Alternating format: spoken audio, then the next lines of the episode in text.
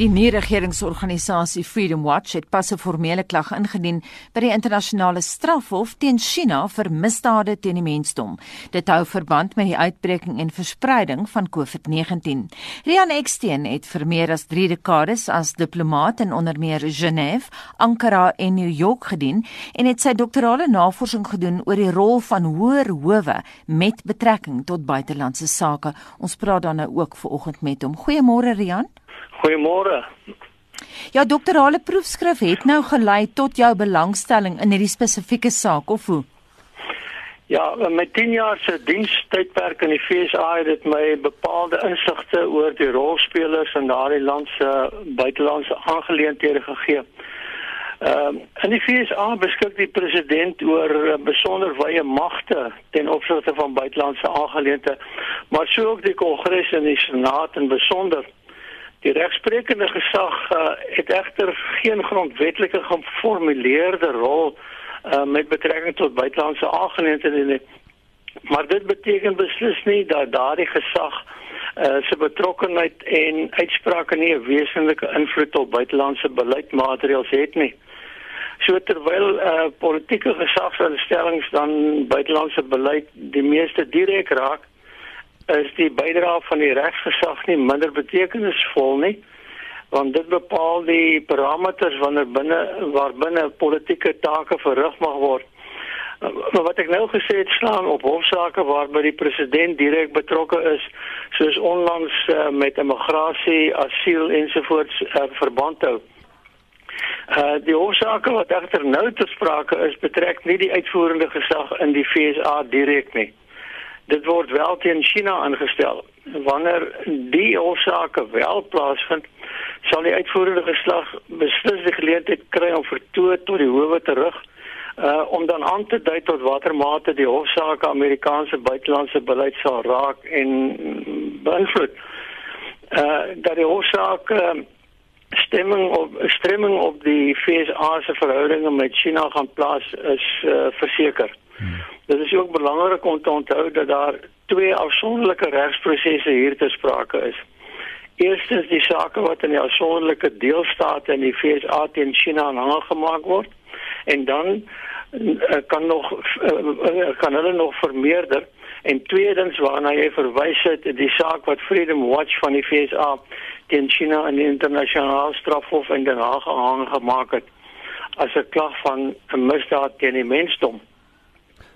Wat is die kanse dat Freedom Watch se hofaksie daar in Den Haag dan sal kan slaag? Uh, eerstens wat uh, belangrik is om te onthou is dat die hof uh, vir Freedom Watch in kennis gestel het dat die aanklag in die hof se rekords aangeteken is.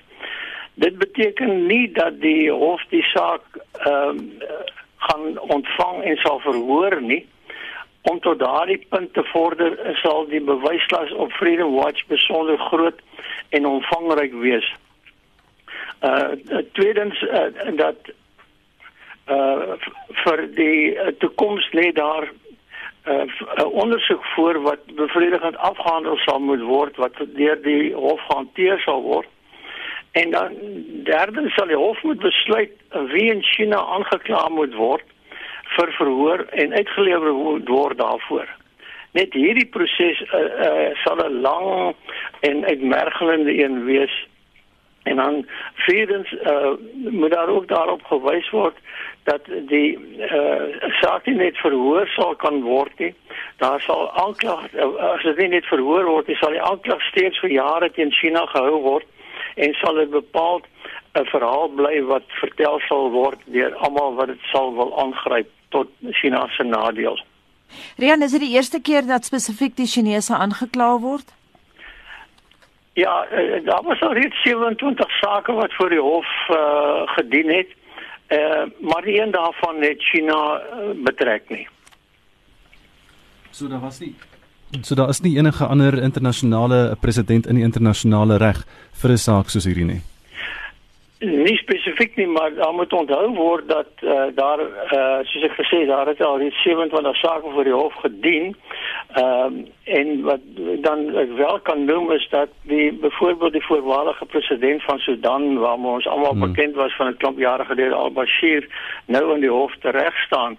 Ehm uh, so daar was al die al die sake wat daar gedien het het betrekking gehad tot bepaalde mense regte vergrype soos destyds in Servië en Bosnië plaasgevind het. Ek verstaan dat die Foreign Sovereign Immunities Act van 1976 beperk die soort stappe wat Amerikaanse deelstate teen 'n soewereine staat kan neem. Ja, die wet verhoed dat sulke sake in die VS teen 'n soewereine staat gemaak kan word. Maar weer eens moet op uh, belangrike aspekte gelet word. Eerstens, uh, die wet verhoed nie alle sake teen soewereine state nie. So was daar al sake vir skadevergoeding teen Iran wat uh, plaasgevind het. Uh tweedens die interpretasie uh van die uh van die wet sal kardinaal uh belangrik wees.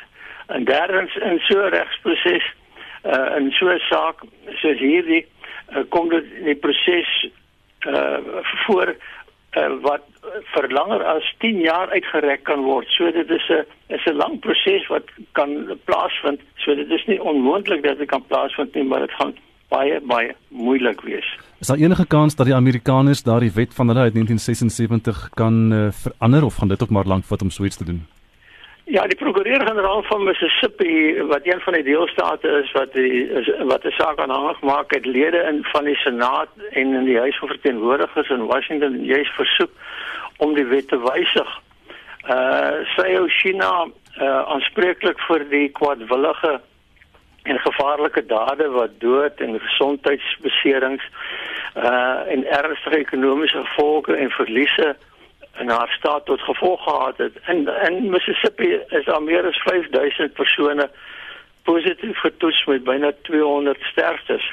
So drukgroepe in die kongres sal bepaal hulle onderskeie rolle speel ehm um, in die proses om hierdie wet uh, te wysig, maar China sal sekerlik ook nie aarzel om in die proses uh, uh, betrokke te raak en dit dit uh, probeer bemoeilik of te ontspoor nie uh dat die gevoel teen China en die FSA en in die Kongres negatief gedraai het is ontenseeglik waar. Ek wil net hê jy moet 'n bietjie uitbrei daarop Ria net laasens jy was in November in Amerika. Ja, ek was daar gewees. Ek het 'n uh, uh, toespraak gaan lewer oor die rol van die uh, van die howe in buitelandse aangeleenthede. So uh gedurende daardie tyd was daar natuurlik nou nog nie uh die COVID-19 uh, geval nie, maar toe was daar al reeds 'n uh, gevoel gewees uh teen die uh teen die Chinese wat opgebou het. En nou in die laaste tyd uh is daar al reeds uh lang skade wees wat hierdie uh COVID-19 oor die opkomende verkiesing uh gevestig het en president Trump het dan ook al die kontoure vir sy en die republikeine se benadering ehm um, hiertoe getrek met onder an, met onder andere sy verwysing na die Wuhan uh, virus die onttrekking van fondse aan die wêreldgesondheidsorganisasie en die inkorting van immigrasie na die VSA. So die demokrate sal moet fyntrap om nie hierdie slaguisters vasgevang te word nie en dan dis as sag uh, teenoor China voor te kom nie. Helaas beklemtoon hierdie verwikkelinge dis uh, eintlik onderbelsinnig hoe binnelandse aangeleenthede met buitelandse beleid ineengestrengel is. So ek wil net graag net opsom dan uh, laastens om te sê dat in albei die gevalle gaan die regsprosesse moeilik en uh, uitmergelend wees of die saak uiteindelik uh, verhoor gaan word en wat die kanse vir uitsprake gaan wees is onmoontlik om nou te bepaal. Wat wel belangrik is is dat die regsprosesse hierdie sake 'n bepaalde impak op buitelandse aangeleenthede gaan hê en die FSA se beleid in China sekerlik mag beïnvloed. En hierdie hofgedinge verwoord die openbare gevoel teen China en buitelandse beleidsmakers in die FSA sal dit nie kan ignoreer in toekomstige verhoudinge met China nie. Maar laat ek net afsluit om te sê dat uh, in die afgelope uh, dag of twee was daar 'n uh, meningsopname geneem in die FSA waarvan die uitslag was dat 41 van die respondente reken dat die onderskeie state regstappe teen China moet inbring. Rian baie dankie dit was dan Rian Eksteen wat vanuit Namibië met ons gepraat het. Die Australiese minister van buitelandse sake Marise Payne dring aan op 'n ondersoek na die ontstaan van COVID-19 en die hantering daarvan deur die Chinese regering en die Wêreldgesondheidsorganisasie. Dit te midde van president Trump van Amerika se dreigement om befondsing aan die WHO te sny. Europese diplomate blyk egter minder genee te wees vir 'n openlike konfrontasie met Beijing. En vir sy mening hieroor praat ons nou met professor Dirk Kotse van Unisa se departement politieke wetenskap. Dirk, goeiemôre. Goeiemôre, Gustav. Skep die Australiërs hier 'n presedent met hulle aandring nou op 'n ondersoek? In 'n in 'n groot mate ja, um, ek ek dink dit is deel van 'n baie groter politieke prentjie wat besig is om te ontvou. Ehm um, en dit is dat daar gesoek word na wie die blame moet dra vir dit wat ons op die oomblik beleef. Ehm um, en in 'n groot mate dink ek word dit nou vasgevang in die verhouding tussen die Amerikaners en en die Chinese. En daar is aan albei kante is daar baie ernstige uh blame wat aan toegesê word aan aan die opponerende kant. So dit is op die dit het nou het word nou ingemeng baie in die internasionale verhoudings. Ons het nou geluister na hoe dit in uit 'n regsoogpunt of in regsterme uitspeel, maar hierdie is meer in diplomatieke of in politieke terme wat hierdie intense nou kompetisie begin plaasvind om te probeer om die blame na die ander kant toe te skuif. Dirk, daar is wêreldwyd kritiek en ons praat hier ook van die Europeërs wat kritiek lewer oor Beijing se relatiewe stilswye en die terughouding van statistiek en inligting van die res van die wêreld. Trouwens, 'n uh, Europese Unie verslag sê reguit China stuur vals nuus oor die virus die wêreld in. Die woorde wat die Europeërs gebruik is disinformation en targeted conspiracy narratives. Het hulle 'n punt beet? Ja, dit is ek genoem, daar is tallose teorieë wat besig is om die ronde te doen oor wat die werklike oorsprong van die virus is. Ehm um, die jongste een is is, is van die Japaneese Nobelpryswenner van van medisyne, Chisaku Honju, wat gister uitgekom het en wat nou wyd verspreide aandag trek en wat sê dat die idee die die, die werkswyse of die die wyse waarop die virus besig is om te versprei is heeltemal onnatuurlik. Ehm um, hy self is 'n spesialis op virusse. Ehm um, en die, dit is ook deur Amerikaanse redelik hoëgeplaaste mediese wat presies dieselfde sê. Ehm um, daar was ook die die arrestasie van professor Charles Lieber wat 'n professor by Harvard is. Plus drie ander ehm um, navorsers uh, in dit is 'n uh, eh, gearresteer deur die FBI in Amerika wat sê dat hulle nie moet nie al hulle inligting verklaar het oor hulle betrokkeheid by navorsing oor die virus um, en en ook in in China by die Wuhan uh, Instituut vir Virologie.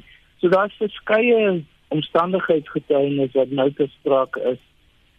Maar daar dui dat die oorspronklike verduideliking dat dit waarskynlik van van diere afkom en nou bevraagteken word en daar word meer en meer gesê wel dit is iets wat lyk asof dit meer kunsmatig gekweek is.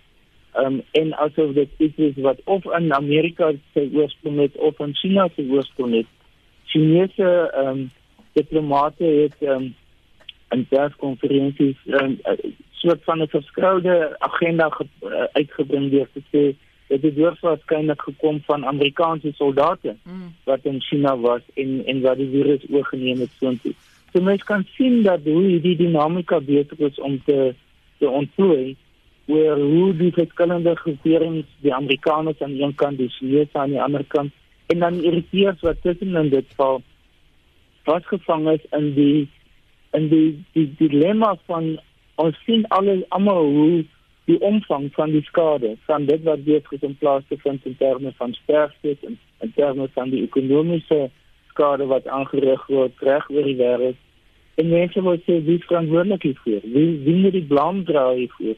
En ek dink dit is wat ons nou meer en meer sien is is dat daar verskillende benaderings is om uh te probeer identifiseer of dit die Chinese is omdat dit eerstens in in China gemanifesteer is as 'n as 'n epidemie en later pandemie. En of dit uh, 'n 'n oorsprong anders is as die Chinese. En ek dink dis hoekom die Chinese wil ten alle koste probeer voer dat daar 'n internasionale uh, ondersoek is want dan gaan dit al hierdie verskillende teorieë na vore bring. Dirk nou die Chinese departement van buitelandse sake uh, sê die eise en die aantuigings teenoor hulle is disrespekvol en dit ondermyn Beijing se buitengewone pogings dan nou om hierdie virus hok te slaan. Daar was ook 'n topdiplomaat van van China, ek het hierdie gehoor op die BBC, toe sy vir die BBC gesê het enige ondersoek teen hulle is polities gemotiveer. Sou dit kon wees? Wat is jou kommentaar daarop? Ja, dit dit sluit aan wat ek nou probeer sê. Dit is dat uh, na alle mening is dit gaan dit eer primêr oor die verhouding tussen die Chinese en die Amerikaners. Ons het nou gehoor van meneer Jan Eksteen oor die slegte verhouding wat daar bestaan en hoe dit nou begin selfs manifesteer in die vorm van van hofsaake. Ehm um, hierdie is 'n meer politieke inisiatief wat van die Australiërs, Europeërs en Amerikaners tot 'n mate gaan uh kom. Ehm um, as 'n as 'n poging om die blame oor te skuif uit na die na China toe. Ehm um, en China is natuurlik bang dat dit gaan beteken dat hulle nie net miskien in 'n in 'n materiële sin moet vir goed daarvoor nie, maar dat hulle ook in 'n politieke sin die blame daarvoor moet dra. So wat ons nou sien wat gebeur is, is dat China op 'n baie groot skaal besig is om hulp te verleen aan baie lande en dat daar persone of figure soos byvoorbeeld Jack Ma wat die vorige voorsitter is van Alibaba wat een van die grootste Amerikaanse uh, uh, Chinese maatskappye is dat hulle op 'n baie groot skaal ook verleen aan aan Afrika lande, aan Latyn-Amerikaanse lande, aan ander oosterse lande, almal lande wat uh, bande met China het, diplomatieke bande en nie bande met Taiwan nie. Dit is die enigste element wat uitgesluit word. En die doel daarvan is ons het al by 'n ander geleentheid daaroor gepraat, is om die indruk te skep dat um, China humanitêre optrede dat hulle uitreik na ander lande, dat hulle en 'n sekere sin deel in die skade en die verliese van lande wat hulle op die oomblik ly en op so 'n manier hulle self meer aantreklik maak. En dit is die sogenaamde sagte mag soft power wat dan weer te sprake kom om en om hulle te sien dat ten spyte daarvan dat hulle in eerste instansie die die slag van van die virus uh, moes hanteer hulle nou uit op grond van hulle ervaring en die lesse wat hulle geleer het probeer om dit oor te dra na ander lande om hulle daarmee te help. So dit is hoekom hulle probeer heeltemal wegbly van enige ondersoek wat dit wat hulle nou probeer opbou in 'n groot mate dan weer gaan afbreek omdat dan dan hulle gesien word as die werklike skuldige die diegene wat verantwoordelik is vir die verspreiding van vir die oorsprong en die verspreiding van die virus. Dirk, ons het nou vroeër verwys na die feit daar is wêreldwyd kritiek. Jy het nou verwys na die Japaneese wat gister ook kritiek gelewer het. Maar ons praat ook van die Europeërs, maar hulle lewer kritiek oor Beijing se stilswye en terughouding van statistiek. Maar wat die Europeërs betref, blyk hulle baie minder genee te wees en versigtig te wees om die Chinese aan te vat in terme van 'n amptelike ondersoek soos wat die Australiërs en die Amerikaners wil hê. Hoekom is dit so Afrika ook? Afrika en die Europeërs is dit hier eens. Wel ek dink die die grootste verskil is dat uh, Europa, die baie Europese lande en Afrika lande het baie beter of het baie sterker ekonomiese bande met China. Op die stadium soos jy nou genoem het, kry hulle ondersteuning van China. Um, en hulle wil nie dit kompromiteer nou deur byvoorbeeld deel te word van so 'n proses van ondersoek nie. Ehm um, wat die Chinese sou interpreteer as 'n vorm van kritiek of as 'n vorm van teenstand teen die Chinese um, of as 'n vorm van distansiering van die Chinese. So as gevolg daarvan is, is baie lande, uh, Europese lande byvoorbeeld Italië is 'n baie goeie voorbeeld daarvan, dat baie sterk bande met die Chinese het. Um, dat hulle dit net nie kan sien uit 'n ekonomiese oogpunt kan hulle self dit hulle dit nie kan doen um, omdat hulle dan hulle ekonomiese bande met met uh, China gaan kompromiteer. Um, en dit wil hulle op hierdie stadium onder geen omstandighede doen nie omdat hulle afhanklik is van ehm uh, die Chinese kontak en die Chinese interaksie. Ons praat vanoggend met professor Dirk Kotse van Unisa se departement van politieke wetenskap en ons gaan net hierna verder met hom gesels.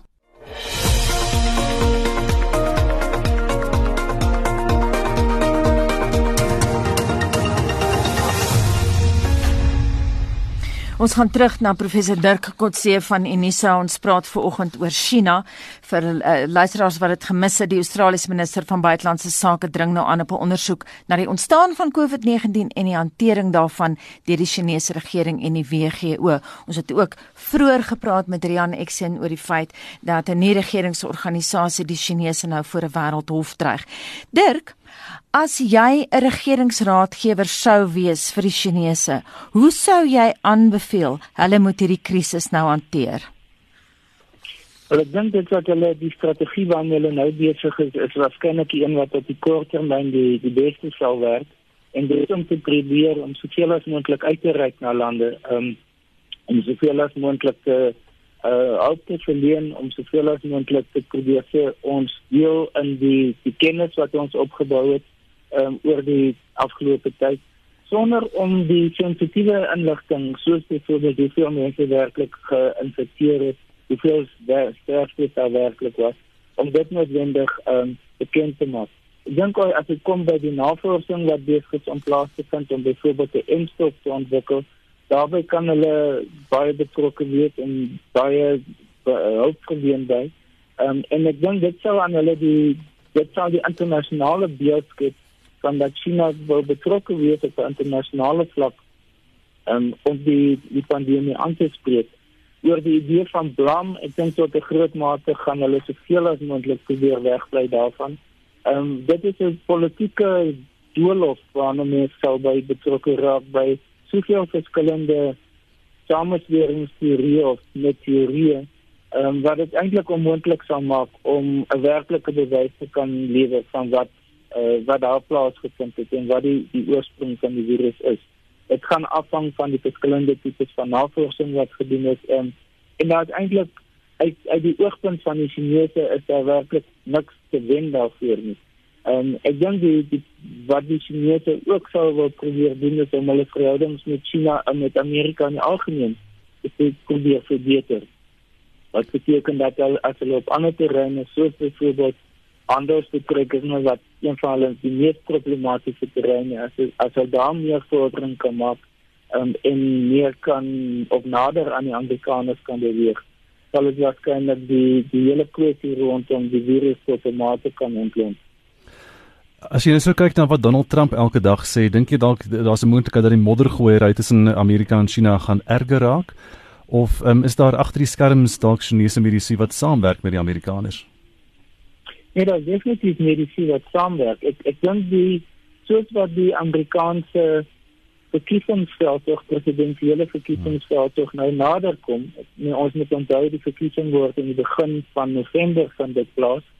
Dit is nie meer so ver van nou af nie. Ehm um, gaan die die interne probleme wat die Amerikaners nou beleef, byvoorbeeld die baie hoë werkloosheidsyfers Dit is wat die een aspek wat president Trump altyd gebruik het tot dusver om te sê dis een van my suksesverhale.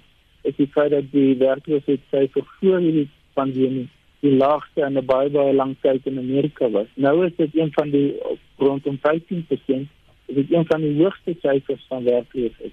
So dit dit wat hy as een van sy bates gebruik het, een van sy sterkste aanknopingspunte in sy verkiesing vir die presidentsiële verkiesing, het hy verloor. So om dit te kan uh, teenwerk om 'n uh, verduideliking daarvoor te kan gee, gaan hy natuurlik die virus gebruik as as 'n verskoning daarvoor of as 'n verduideliking daarvoor. Um, en dan sal hy ook met um, en omdat die die anti-Chinese sentimente op die oomblik wyd versprei is in Amerika, dink ek gaan hy dit da, dit daarbey aanknoop. Um, en so net kan verwag dat die die moddergooiery, die kritiek die uitsprake teen die Chinese waarskynlik gaan toeneem. Ons het nou in 'n vorige onderhoud met Rian Eksteen verwys na die feit dat die nie-regeringsorganisasie Freedom Watch 'n formele klag ingedien het teen China by die internasionale strafhof.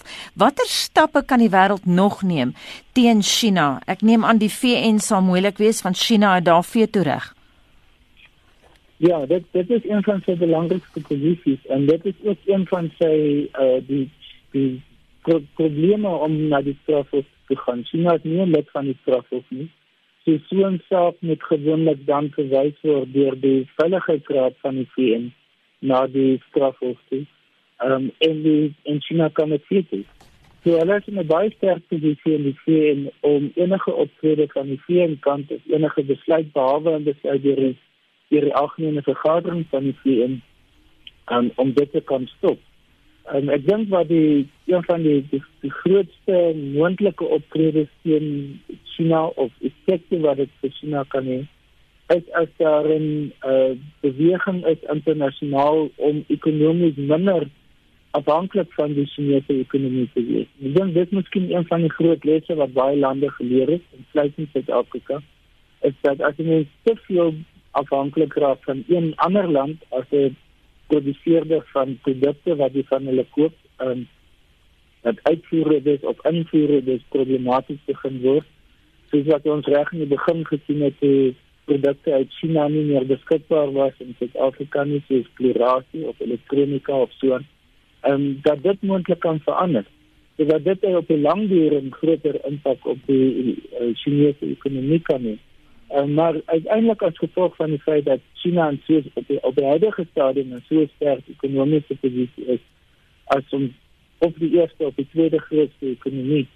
Uh, beteken dat dit omtrent vir geen land wat behalwe die Amerikaners moontlik is om werklik stappe teen die Chinese te neem. So hulle is relatief verskant. Ehm um, en en ter, en politieke, diplomatieke en ekonomiese terme. Ehm um, teen enige werklike optrede van die meeste lande in die wêreld. Baie dankie en daai mening word gehuldig deur professor Dirk Kotse van Unisa se departement politieke wetenskap. Dis nou 23 minute voor 8:00 jy luister na Monitor op RSG en is tyd vir wêreldnuus met Justin Kennerly. Justin New Zealand begin nou met die verslapping van hulle inperkingsmaatreëls. Ja, dit is soortgelyk aan wat ons nou in Suid-Afrika ervaar. Hoewel hulle gevalle van nuwe COVID-19 infeksies aansienlik laer is, daar is slegs 3 nuwe infeksies en geen sterftes aangemeld. Nieu-Seeland is nou op vlak 3 van hulle inperking. Dit beteken sommige konstruksie, nie noodsaaklike besighede, gesondheidsorg en onderwysaktiwiteite hervat weer. Die eerste minister, Jacinda Ardern, sê die virus is onder beheer, maar dit beteken nie mense kan nou op hul laure rus nie. We must make sure that we do not let the virus run away on us again and cause a new wave of cases and deaths. To succeed, we must hunt down the last few cases of the virus. This is like looking for a needle in a haystack, and we need your help to finish the job we have started. There is no widespread undetected community transmission in New Zealand. We have won that battle, but we must remain vigilant if we're to keep it that way. That includes safely returning more New Zealanders to work, enabling more businesses to reopen, and allowing some of the recreational activities we've missed in the past 4 weeks. Nou Arden het mense aangespoor om, om steeds tuis te bly en waar moontlik van die huis af te werk. Elders in die wêreld, in Nigerië, word die inperkings in Abuja en Lagos op 4 Mei verslap. Die inperking sou gisteraand gelig word, maar president Mo uh, Muhammadu Buhari sê dit is nog te vroeg daarvoor. Hy het ook nuwe landswye maatreëls teen COVID-19 ingestel, insluitend 'n aandklokreël en verpligte gesigmaskers. Turkye het pas sy inperking verleng terwyl Argentinië alle interne en internasionale kommersiële vlugte tot 1 September verbied weens die pandemie. Amerika ervaar 'n toename in oproepe na die noodnommers oor die gebruik van ontsmettingsmiddels as voorsorgmaatreël teen die koronavirus. En president Donald Trump sê hy kan nie dink waarom die oproepe oor die gebruik van ontsmettingsmiddels vermeerder het nie nadat hy voorgestel het dat mediese ondersoek moet instel om te kyk of die middels moontlik ingespuit kan word om die koronavirus te behandel. Tydens gister se COVID-19 nuuskonferensie het 'n verslaggewer opgemerk dat die noodnommers in die deelstaat Maryland die afgelope dae honderde oproepe ontvang van mense wat leiding soek oor die kommentaar van president Trump. Toe hy gevra is of hy enigstens die verantwoordelikheid neem vir die toename in oproepe, het hy geantwoord: "Nee, ek doen nie." Die goewerneurs van die deelstate Michigan en Maryland het Sondag die president die skuld gegee vir die stygings in sulke oproepe en na ewige kritiek deur mediese kundiges het Trump gesê dat sy opmerkings sarkasties bedoel was. En dan 'n stukkie goeie nuus, herstelwerk begin aan die Notre Dame te midde van die COVID-19 pandemie. Ja, 'n brand het in April verlede jaar die ikoniese middeleeuse kathedraal in Parys, Frankryk, se dak en kenmerkende torings vernietig, maar sy struktuur ongeskonde gelaat. Die Franse president Emmanuel Macron het later beloof om die gebou binne 5 jaar te herstel. In die wêreldwye koronaviruspandemie het amptenare genoodsaak om die beplande herstelwerk op 23 Maart uit te stel, maar werkers het egter gister na die konstruksieterrein teruggekeer Hulle eerste taak is om te verseker dat nuwe sosiale distansiering maatreëls ingestel kan word en dit sluit in om aanpassings te maak in die manier hoe die kleedkamers en storte gebruik sal word deur konstruksiewerkers. En volgens 'n verklaring word gesigmaskers, handreinigingsmiddels en maaltye aan die werkers voorsien. Nabygeleë hotelle bied gasheer vir diegene wat binnekom om uh, die gebou buite die Parys omgewing te help. Justin Kennerly met vanoggend se wêreldnuus 'n 27-jarige Suid-Afrikaner wat op 8 April in Suid-Afrika aangekom het nadat hy van Brasilië af gerepatrieer is, is vandag reeds 21 dae in kwarantyne. Tyron Trutter, wat op 'n passasiersskip gewerk het, het positief getoets vir COVID-19 toe hy in Suid-Afrika aangekom het. Hy is saam met heelwat ander mense onder kwarantyne by 'n regeringsfasiliteit in Kempton Park en ons gesels nou met hom. Goeiemôre. Goeiemôre Anita, gaan dit vanoggend? Dit gaan goed met my. Ons wonder meer oor jou, Tyron. Jy is nou 3 weke onder kwarantyne. Beskryf vir ons die sentrum waar jy tuis gaan of aangehou word. Hoe werk die uh, afsondering daar? Die sentrum hier waar ons huis gaan is soortgelyk aan 'n skoolkoshuis. Die geriewe is baie basies en alles werk nie juis soos wat dit moet nie.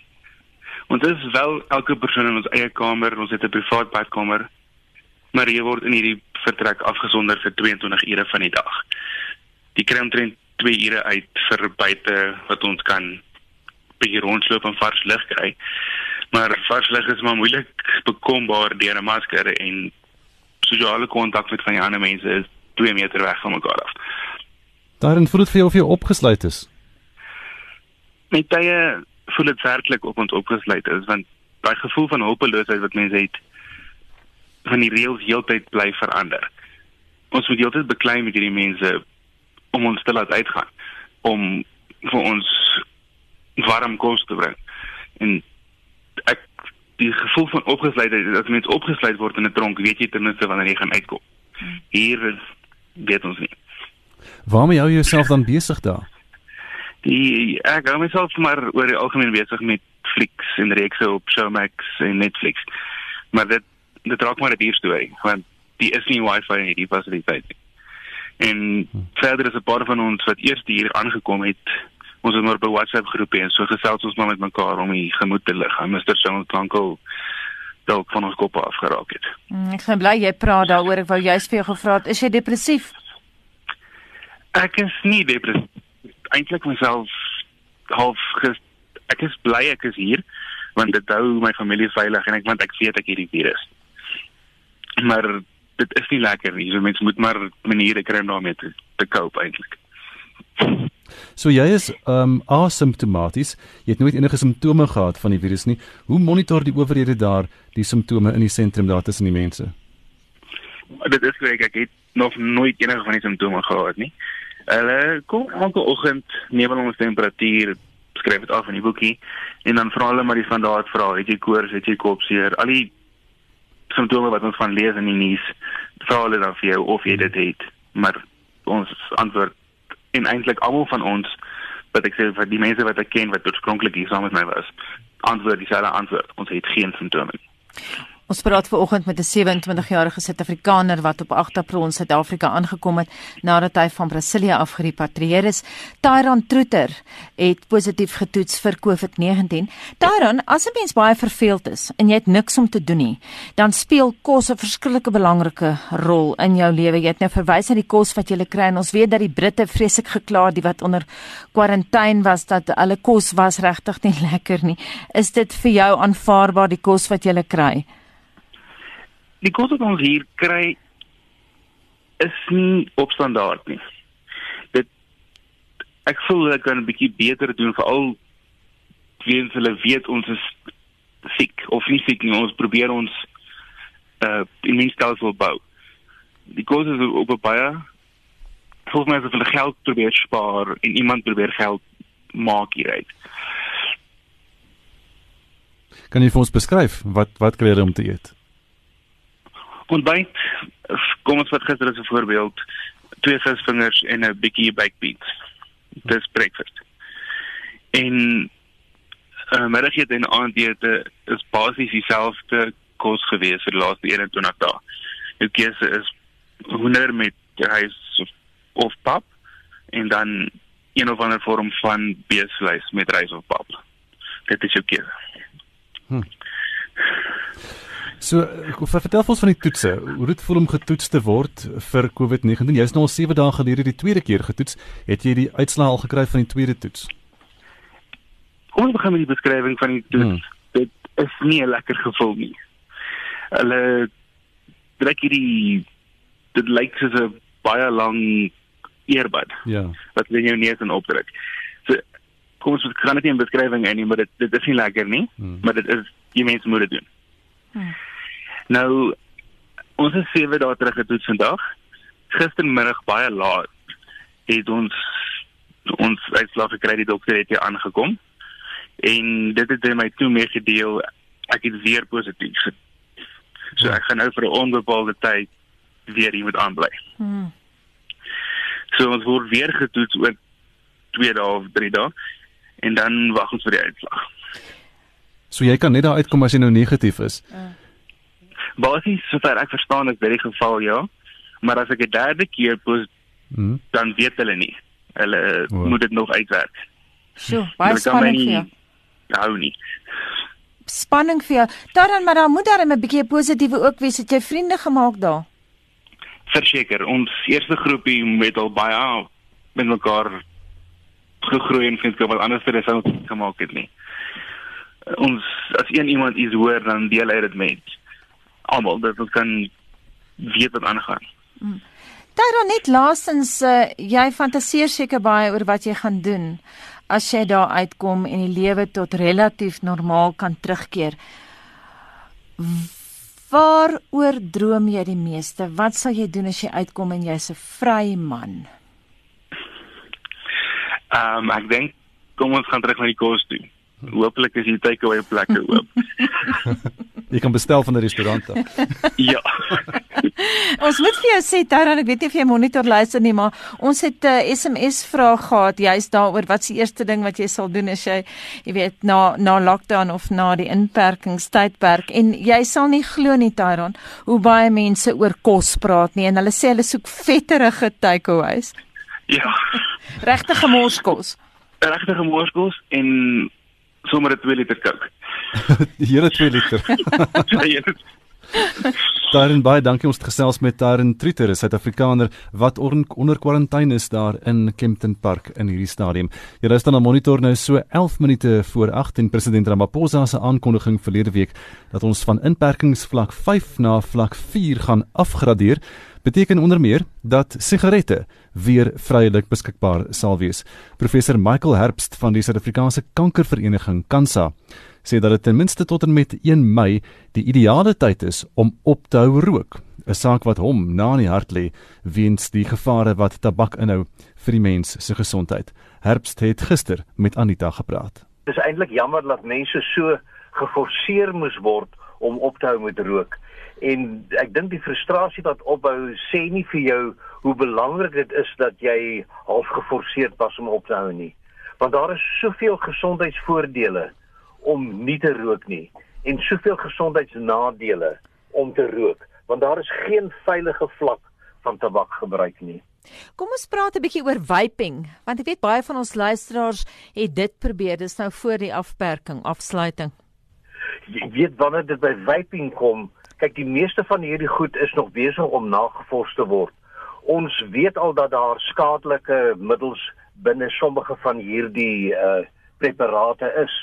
Maar die belangrike een wat ons aanbetref is nikotien. Dit nikotien het die vermoë om die oomblik as jy dit in jou liggaam inneem, gaan dit direk in die bloedstroom en dit gaan reguit brein toe. En in die brein stel dit dopamien vry. En hierdie dopamien wat vrygestel word is die goedvoel hormoon. Dit is wat die mense so lekker en goed laat voel en daaroor wanneer hulle bietjie stres het, dan soek hulle 'n sigaret om te rook om daardie dopamien weer in die brein vry te stel, die goedvoel hormoon. En dit is die probleem wanneer mense verslaaf raak en dit is wat ons besig om te doen met vaping. Ons skep 'n heeltemal 'n nuwe groep en om om 'n lelike woord gebruik generasie van uh, mense wat verslaaf is aan nikotien. En hulle almal is verslaaf aan dopamien wat moet vrygestel word. En wat gebeur? Hulle kan hierdie vaping nie in stand hou nie en hulle val terug waarheen na goedkoper tabak. Michael herinner ons weer aan die gevare van rook, maar veral miskien gevare waarvan mense onbewus is.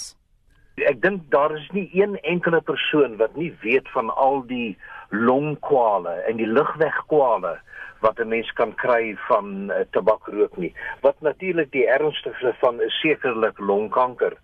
Maar iets wat baie min mense besef is dat nikotien en tabakgebruik is veral verantwoordelik ook vir suikersiekte en dit kan mense dikwels nie verstaan nie.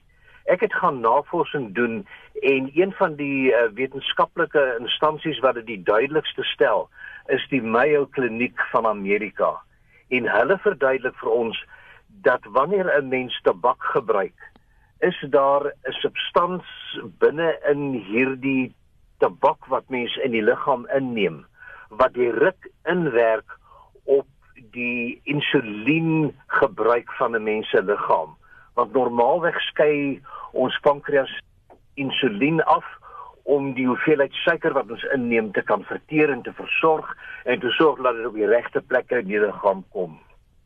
Maar in tabakrook is daar iets wat die hele stelsel hoe die liggaam dan suiker en insulien met mekaar afwissel en sorg dat die balans reg is wat dit versteur en dit is veral 'n belangrike oorsaak van volwasse suikersiekte en dit is wat ons gewoonlik na verwys as tipe 2 diabetes mellitus.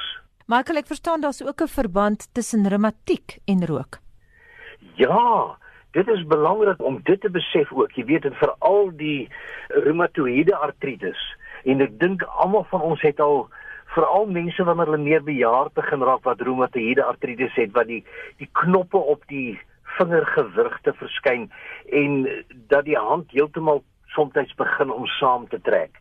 En dit is een van die eienaardighede wat nou al hoe meer en meer in die navorsing na vore kom, is die bewuswording van tabakgebruik en die voorkoms van reumatoïede artritis.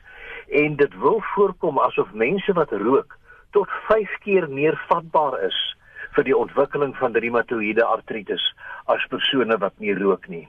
Julle het nou 'n wonderlike veldtog begin kickbat. Dis nou juist om mense te help om op te hou rook en uh, ten minste nog tot 1 Mei kan mense nie toegang tot sigarette kry nie. So Michael, dis die ideale tyd om julle raad te volg. Wat is julle raad aan luisteraars wat wil maar nie kan ophou rook nie? Wel selfs die wat op die oomblik geforseerd is om nie te kan rook nie en wat nie skelmpie sigarette in die hande kan kry nie. Daar is 'n groot uitnodiging vir hulle om of ons tolvrye lyn te kontak 0800 226622 en navraag te doen oor hierdie kickbat.